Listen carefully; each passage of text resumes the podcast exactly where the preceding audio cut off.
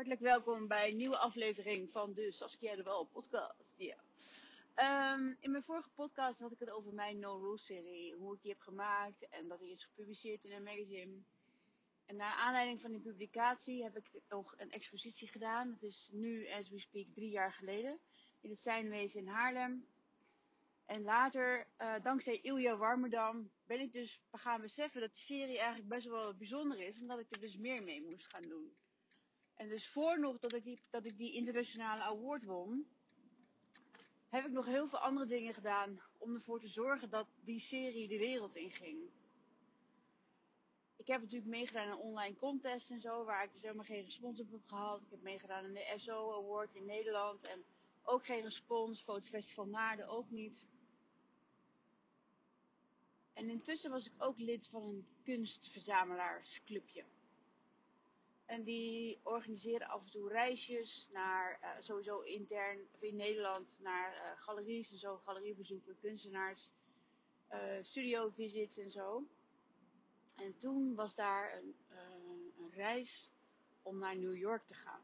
En dan zou je dus de hele gallery district en alles zou je gaan bekijken. En je zou ook bij een, een studio visit gaan doen bij iemand bij een dame die echt hele mooie naakten schildert.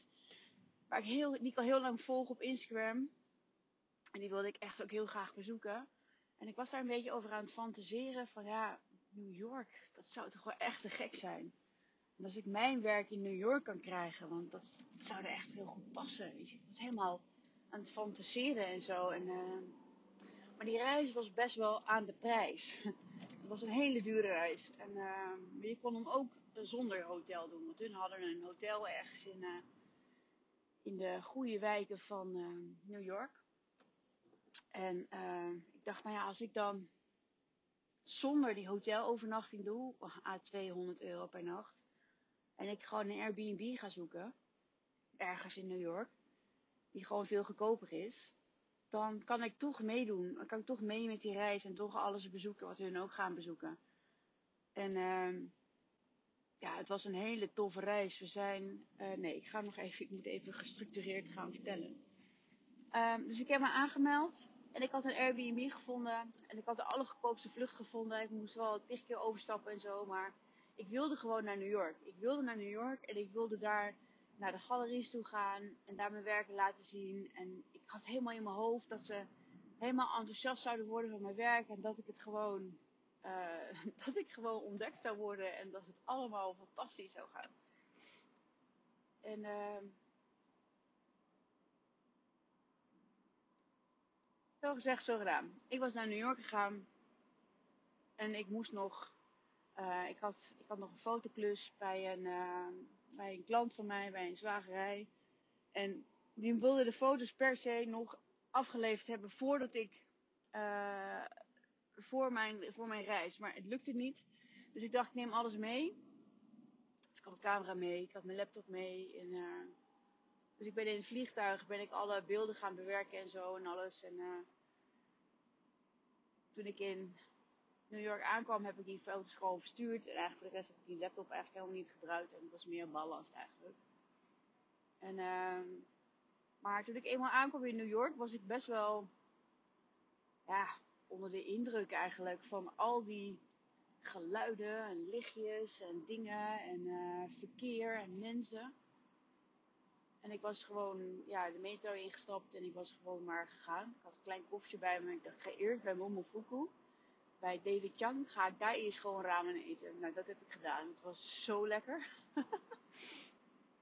en, uh, en toen uh, ben ik uh, zo langzamerhand naar mijn appartement gegaan. Of tenminste naar de kamer waar ik sliep. Het was een appartement en dat was, ja, dat was wel in de Bronx. Dus ik, was wel, ik vond het wel spannend om daar dan zo s'avonds laat te zijn. Dus ik had met mezelf afgesproken, ik ga niet heel laat thuiskomen s'nachts. Want dat vind ik gewoon te spannend. En... Dus het was een heel klein kamertje. Ik had alleen maar een bed en een kast. En uh, dat was het. Een heel klein raampje dat erin. Maar ja, goed, ik betaalde. Wat betaalde ik eigenlijk? 60 euro per nacht of zo. En uh, dus dat scheelde nogal. En ik, ik hoefde er toch alleen maar te slapen.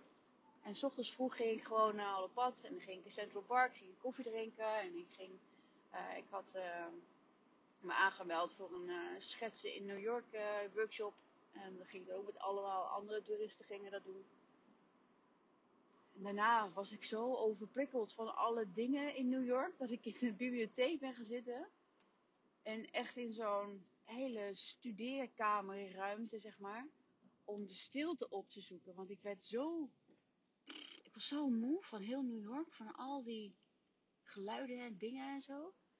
En uh, goed, dat waren dus de eerste twee dagen eigenlijk.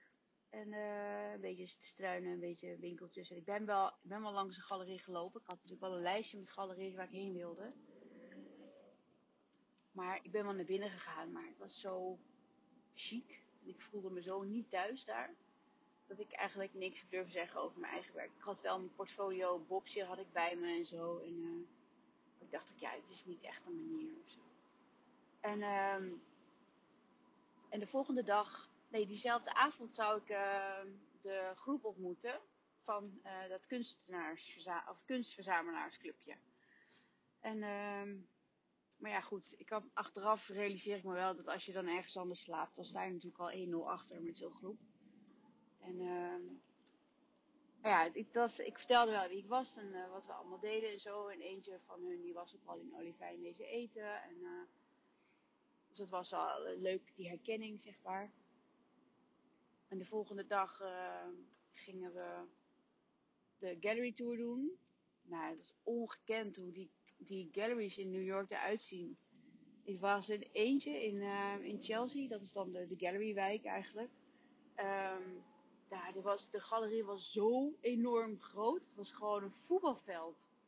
En er waren eigenlijk, ja, naar verhouding, best kleine werken. Die zullen misschien in mijn woonkamer enorm zijn, maar. Dat ik ook dacht, hoeveel moet hier verkocht worden? Als je dit wil verkopen en je hebt zoveel oppervlakte aan galeriespace. Nou, ik vond het echt uh, immens. Dus we hebben, ik denk, een stuk of acht galleries bezocht. Uh, allemaal heel wisselend hoor. Van een ene was echt met extreem grote objecten. Met heel veel kleur en heel abstract. En uh, weer een andere was eigenlijk gewoon meer een museale presentatie van een kunstenaar. Die heel veel met stoffen deed en zo. Dat was ook wel heel interessant, heel mooi om te zien. En uh, ja, er waren heel veel, ja, wat ik al zei, heel veel verschillende. We hebben ook nog een bezoek gebracht aan een kunstverzamelaar die in Chelsea zijn appartement heeft. En die zijn appartement helemaal van, van de vloer tot aan het plafond helemaal vol heeft met kunst. Dat was heel tof, want hij had ook echt een aantal, uh, hij had ook een werk van Man Ray en een paar echt hele, uh, Cindy Sherman had hij ook hangen en een paar andere kunstenaars en ook best wel wat food dingen. En hij had, het werk wat mij het meest is bijgebleven, dat was een, uh, ja, een, een man verkleed in een clownspak. En was wel een beetje ja, ontkleed eigenlijk. Had zo'n kraag om en wat make-up en zo van een clown. En die had twee handgebaren. De een handgebaar was alsof hij iemand aan het aftrekken was. En de andere handgebaar was alsof hij iemand aan het vingeren was. En in de eerste instantie zag ik dat niet zo. En ziet het er heel vrolijk uit. En, uh, en toen hij dat vertelde, toen dacht ik, ja, dit is echt tof, weet je. Dit is echt tof. Dat is een grappige, uh, ik wel van, zeg maar, dat zo op het randje. En dat je het toch op het eerste gezicht niet ziet. Maar hij was wel degene die wellicht ook van mijn kunst zou kunnen houden. Dat, en ik was natuurlijk niet echt in de. In, ja, hij dacht natuurlijk dat we allemaal kunstverzamelaars waren. En dat ik een, kunstenaar was. Dat had hij niet verwacht. Maar op het einde, toen we allemaal weggingen. Toen gaf ik hem mijn kaartje. En toen uh, zei hij: Oh, my friends call me Sass too. En uh, super grappig. Alleen de organisatie ik zal geen namen noemen, want dat vind ik niet zo chic. Maar die was er niet echt van gediend. Die, uh, die keken mij met hele vuile ogen aan. En uh, in de lift terug naar beneden ze, ja, dit is niet de bedoeling. Dat ik dacht, ja, jammer dan. Dus ik heb het wel geprobeerd voor zuinigheid. komt hier wel iets uit, weet je wel. En uh, betaalde mensen hebben de halve wereld, dacht ik maar. En, uh, maar ja, uiteindelijk liepen we weer door naar de volgende gallery of event waar we heen gingen. En we gingen volgens mij ergens eten. En we liepen zo door New York en we staken het zebrapad over. En ik was met iemand in gesprek. En toen vertelde ik over uh, de zeeegels die ik had gegeten in Madrid. En dat dat mijn meest erotische eetervaring was. Nou, en ik weet niet of je die, die meisjes kent van vroeger, die in zo'n tv-serie van die ongelofelijke kattenkoppen die dan heel hard gaan zitten lachen, stiekem, onderling. Dat gebeurde dus bij mij ook. Ze zeiden niks, maar ze keken elkaar echt aan. Ze begonnen zo tegen elkaar te fluisteren en te lachen en te giechelen. En dat ik dacht, jezus, wat een kutwijde zeg. En ik voelde me, kijk, ik voel me sowieso al wel heel vaak onbegrepen. En alleen met foodies onderling, die begrijpen mij. En mensen die dat dus niet hebben, die begrijpen mij echt totaal niet. En uh, dus ja, eigenlijk was de toon al gezet. Weet je, ik, uh, ik hoorde gewoon niet in dat groepje thuis. En uh, we gingen ook naar uh, de TFAF in New York. En er was ook een fotograaf mee. En je kan ook zien dat op elke foto die ze maakte van de groep, sta ik eigenlijk altijd buiten de groep. En ik was altijd naar mijn eigen mijn interesses aan het kijken en zo. En, uh, en nou, TFAF, ik vond het heel indrukwekkend. Uh, ik vond de bloemen vooral echt onwijs mooi. Het blijkt dus dat het allemaal uit Maastricht komt. En ik hoorde later ook van iemand die, uh, die zei dat daar de oesterman uh, daar de, alle oesters levert. Dus die zit natuurlijk wel gewoon gebakken. Uh, ik hoorde later ook weer van iemand anders dat daar toch heel veel nare dingen gebeuren in de top van de top. Witwasserij, mensenhandel en dat soort dingen. Maar goed, daar heb ik geen. Dat heb ik maar gehoord, van horen zeggen. Dus, uh, en, uh, maar al met al, het was wel een hele mooie reis. En, uh, maar de mensen in dat groepje, ik weet niet.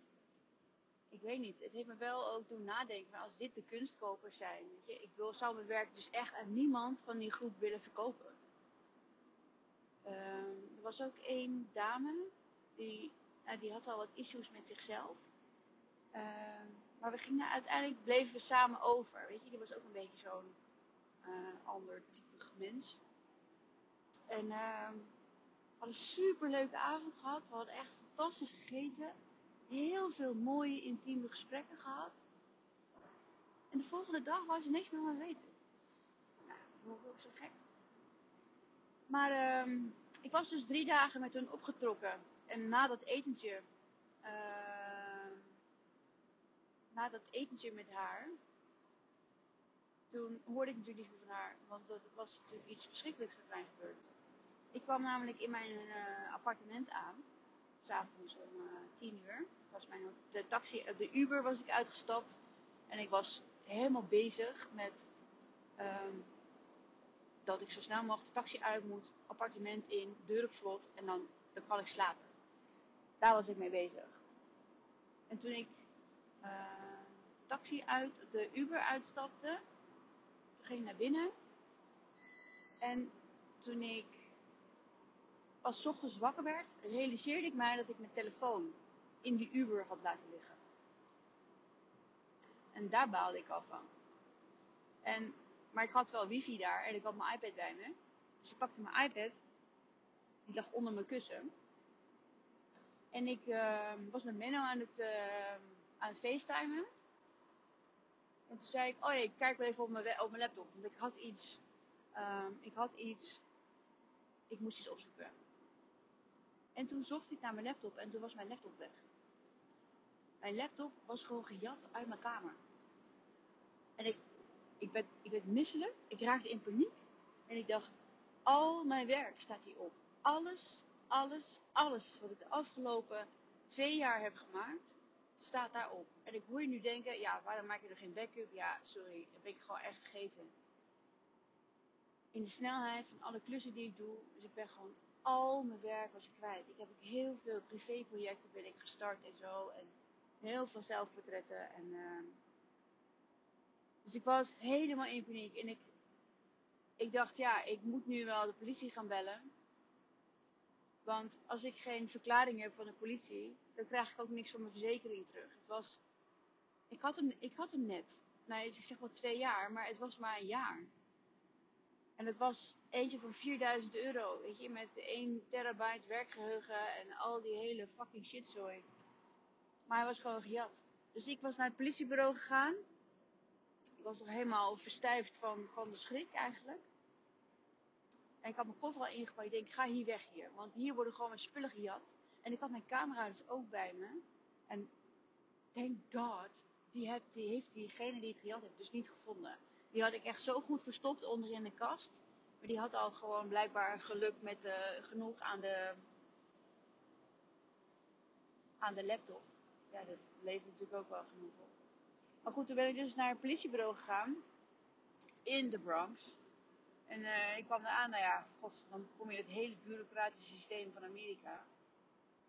En uh, nou, hun gingen met mij mee. Ik ging in de New York Police Car en uh, ze gingen met mij mee naar het appartement. Dus, ik had de sleutel heb ik uh, al meteen afgegeven. Ik had de deur achter me dicht gedaan, dus hun trapte nog eens een de deur in. En ze gingen alles onderzoeken. Nou ja, ik ben wel geteld zes en een half uur met de politieagenten in het appartement geweest. We moesten alles doen, maar hun wilden dus ook mij helpen om mijn telefoon terug te krijgen. Vanuit die Uber. Maar Uber zit zo gefocust en vast op je telefoonnummer, dat het gewoon een onbegonnen zaak is. Heb je telefoon nodig voor een sms-code die je krijgt, maar dat, nou ja, ik zal je niet heel erg daarmee belasten. Maar uiteindelijk ben ik toch, uh, is er melding van gemaakt, ben ik in contact gekomen met die chauffeur. En uh, hij zou mijn telefoon terug komen brengen. Dus ik heb alleen maar contact met hem gehad via e-mail, via mijn iPad. En uiteindelijk, na 6,5 uur, zei ik tegen politieagent, oké, okay, dan ook nog fotografen. En die kwamen uit Puerto Rico en vingerafdrukken hebben we nog gedaan. En het was echt een fucking avontuur, man. Maar uiteindelijk was het klaar. En ik had mijn koffer ingepakt en zo. En ik ging de straat op. Ik wil hier niet meer slapen. En ik moest nog één of twee nachten of zo. Nee, één nacht. En, uh, en ik liep daar. En ik, toen overviel het me. En ik, ik liep gewoon door de straten van New York, echt in het centrum. En ik was echt aan het huilen als een klein kind. En, zo heel hard ook. En ik kon ook niet meer stoppen met huilen. Want alles was weg. Al mijn werk was weg. Alle foto's die ik ooit heb gemaakt. Alle filmpjes die ik heb gemaakt in die tussentijd. De opstart van Olivijn. Al die foto's. Alles is gewoon weg. Alles is weg. Dus ik was aan het huilen en aan het huilen. En ik had ook geen telefoon. En ik dacht, ik ga nu uh, eerst even ergens zitten en ik ga eten. En uh, toen besefte ik mij dat ik geen creditcard had. En als je geen creditcard hebt in New York, dan kan je niks. Dus ik heb mijn moeder uh, nog gemaild. Die heeft me nog geholpen. Die heeft nog een hotelkamer voor me geboekt via, uh, via hotels.nl of zo. En dat was dan, mijn moeder dacht, dat zullen maar nu naar het Hyatt. Dus die heeft het Hyatt voor mij geboekt. Maar ja, goed, dat was gewoon een oude afgetrapt hotel. Maar goed, toen ik daar aankwam, toen moest ik mijn creditcard afgeven voor borg. Ik zei, sorry, ik heb geen creditcard. Ja, maar mevrouw, dan kunt u hier niet slapen. Begon ik weer te janken. Hij zei, oh, sorry, ja, het is allemaal gebeurd. Ik vertelde wat er allemaal gebeurd was. Ik zeg, ik heb cash geld hier. Ik kan gewoon pinnen. Ik kan, ik kan zoveel geld opnemen. Ik wil gewoon nu hier slapen. Ik ben er klaar mee met vandaag. Ik geloof dat het vier uur was of zo. En uh, uiteindelijk kon ik toch nog, ik kon geld pinnen. Zat er ook nog weer een fee bij van iets van 8 euro of zo. Om het daar in het hotel te pinnen. Toen heb ik dat afgegeven. Toen ben ik naar boven gegaan. En ik ben naar mijn kamer gegaan. Ik heb alles dicht gedaan. Ik kon geen flatgebouw, geen lampje, geen sirene meer horen. Ik was helemaal klaar met de stad York. En uh, volgende ochtend werd ik wakker. Ik dacht, nou ga ik lekker ontbijten. Ik ging ontbijten. Slappe koffie. Alles was slap. Alles had geen smaak aan. Alles was vies. En uh, bij het begin zeiden ze ook nog, ja, hier moet je dan 28 euro voor betalen. Ja, ik krijg gewoon een tering. Ik ga helemaal niets betalen. Dus ik heb mijn spullen gepakt, ben naar boven gegaan, spullen gepakt en ik ben gewoon weggegaan. Nu zoek hem maar uit hier met je 28 euro voor een van een uh, En toen ben ik, uh, heb ik een boek gedownload. Een boek van David Lynch. En dat boek, dat duurde, het audioboek, ik weet niet, dat duurde iets van 12 uur of zo. Ik dacht, nou, dit is wel goed vermaak voor de rest van de dag. Ik heb, één, uh, ik heb een cafeetje opgezocht, ben daar gaan zitten met mijn laptop. Met mijn, nee, laptop ik natuurlijk niet meer. Met mijn iPad en mijn uh, audioboek. Oh ja, en ik had wel mijn telefoon weer terug, want die chauffeur die had het, mijn telefoon gebracht. De ochtend voordat ik uit het hotel ging uitchecken, had hij mijn telefoon teruggebracht. Dus dat was wel echt super duper fijn. Ik had er tenminste nog iets, ook een beetje herinneringen aan New York nog. Want er stonden ook al mijn foto's op. Het waren niet dat die telefoon een maand later helemaal is gecrashed. Dus ik ben alsnog al die foto's kwijt. Ik heb helemaal niks meer ervan. Ik heb alleen nog een beetje stories. Maar die heb ik vanwege de pijn van het verlies van mijn laptop en al mijn foto's en al mijn werk. Heb ik die maar uh, weer afgehaald. Maar misschien ga ik hem wel weer aanzetten. De stories in de hoogtepunten op mijn Instagram. Ja, New York, jezus. Ik was blij dat ik daar weg was. Maar goed, het is natuurlijk niet zo dat New York alles fout is aan New York. En dat uh, het echt een en al één grote kuststad is. Dat is zeker niet. Maar uh, het was wel echt heel pijnlijk. En ook, wat het voor mij ook het meest pijnlijke was, was ook de groep met wie ik was. Tenminste, met wie ik zou aanmaken. Met wie daar dus eigenlijk bijna geen connectie mee is. Ze vonden mij maar raar. En, uh, en ik, had, ik had ook nog voor die no rules, ik had allemaal stickers laten afdrukken van, uh, van de champagnefoto. En die heb ik overal, dus uh, die wilde ik overal gaan plakken. Ik ben mijn grote bek. En ik ga het helemaal maken in New York. Nou ja, het werd dus helemaal niks. En, uh, maar ik heb wel op Times Square en zo en op een aantal grote plekken in New York heb ik wel die stickers geplakt. Echt super stiekem. En ik ging gewoon rennend weglopen, want ik vond het zo spannend om een sticker te plakken. ja, en uh, nou ja, al met al is ook wel heel leerzaam. Het is ook heel leerzaam om te beseffen dat. Uh,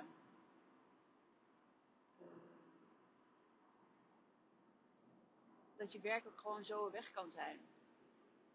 En het heeft mij echt heel veel gedaan. Ik heb, ik, ik, ik heb daarna ook niet zo heel veel foto's meer gemaakt. Dat was in 2019, in mei 2019.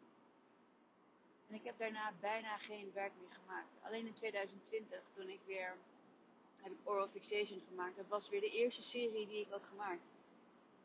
Ik ben nog wel even, ik heb wel analoge dingen nog gedaan. Gewoon met, uh, met rolletjes en zo.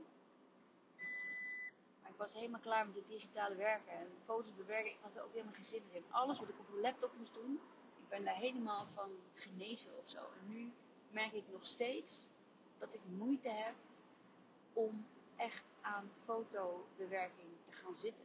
Om die foto's te gaan editen. Ik heb wel een laptop, alleen hij is wat kleiner. Het scherm is anders. Hij heeft niet zoveel geheugen. Weet je, dat soort kleine irritatiepuntjes.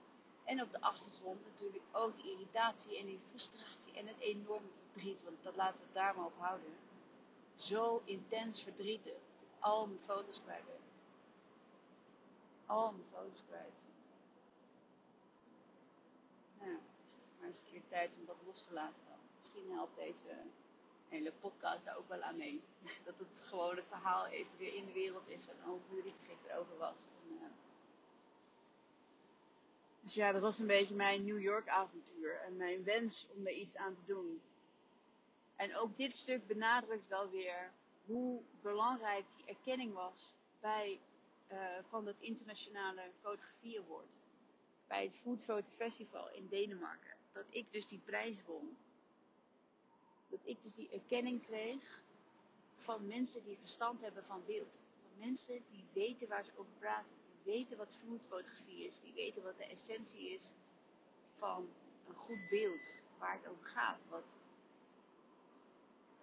En nu ik dit zo zeg, ik merk, ik voel gewoon een beetje tranen ook komen in mijn ogen. Want ik ben zo allemachtig dankbaar dat ik, dat ik die erkenning heb gekregen. Juist na alles wat er daarvoor is gebeurd. Die afwijzing van zo'n groep. Um, en dat mijn, al mijn foto's waren afgenomen. En ik, ik heb geen originele beelden meer daarvan. Van die hele No serie. Ik, wat ik heb, dat heb ik. Ik heb nog gewoon de, de, de JPEGs in hele grote, uh, in groot bestand. Maar in high-res heb ik ze wel. Maar ik heb, ik heb geen andere beelden meer. Ik heb geen rolbestanden meer. Dus uh, ah, ja, het is tijd om het los te laten ook. Ik ga vanavond uh, of morgen ga ik even de, in mijn hoogtepunten uh, New York weer even aanmaken. Want ik heb echt wel heel veel leuke dingen beleefd ook in New York. Ik ben ook nog naar een poetry slam geweest. Uh, de avond voordat mijn laptop, dat ik realiseerde dat mijn laptop was gejat. En dat was ook echt heel indrukwekkend. Ik voelde me wel heel erg alleen. Um, ik vond het ook heel spannend om in zo'n hele drukke ruimte te zijn. Met allemaal, ja, uh, Afro-Americans. En ook Latino's. En, uh, en ja, het was, het was echt heel gaaf eigenlijk. En ik heb een paar drankjes gedronken en ik hoopte dat ik in contact kon komen met mensen. Maar toch, iedereen was wel met zichzelf bezig. En dat is ook wel wat ik van New York vind. Dat ik daar huilend over straat liep. Echt krijsend en brullend en helemaal devastated. En niemand, niemand die zag mij. Mensen lopen langs me heen. Ze zien me niet eens. Ze zien me niet eens. En dat is, dat vond ik wel echt uh, schrijnend eigenlijk. En niet zozeer voor mij, maar ook voor iedereen die in New York woont. Ik bedoel, als je zoveel pijn hebt, als je verdrietig bent of wat dan ook, dat er gewoon niemand een hand naar je uitsteekt. Omdat ze zo in zichzelf bezig zijn en zo. Ja. Ja, anyway. Dit is uh, mijn New York verhaal. En, uh, en hoe ik zeg maar. Uh, hoe het komt dat ik zo, zo, zo, zo ontzettend dankbaar ben voor die award die ik heb gewonnen. Dankjewel voor het luisteren. En uh, graag uh, tot de volgende keer.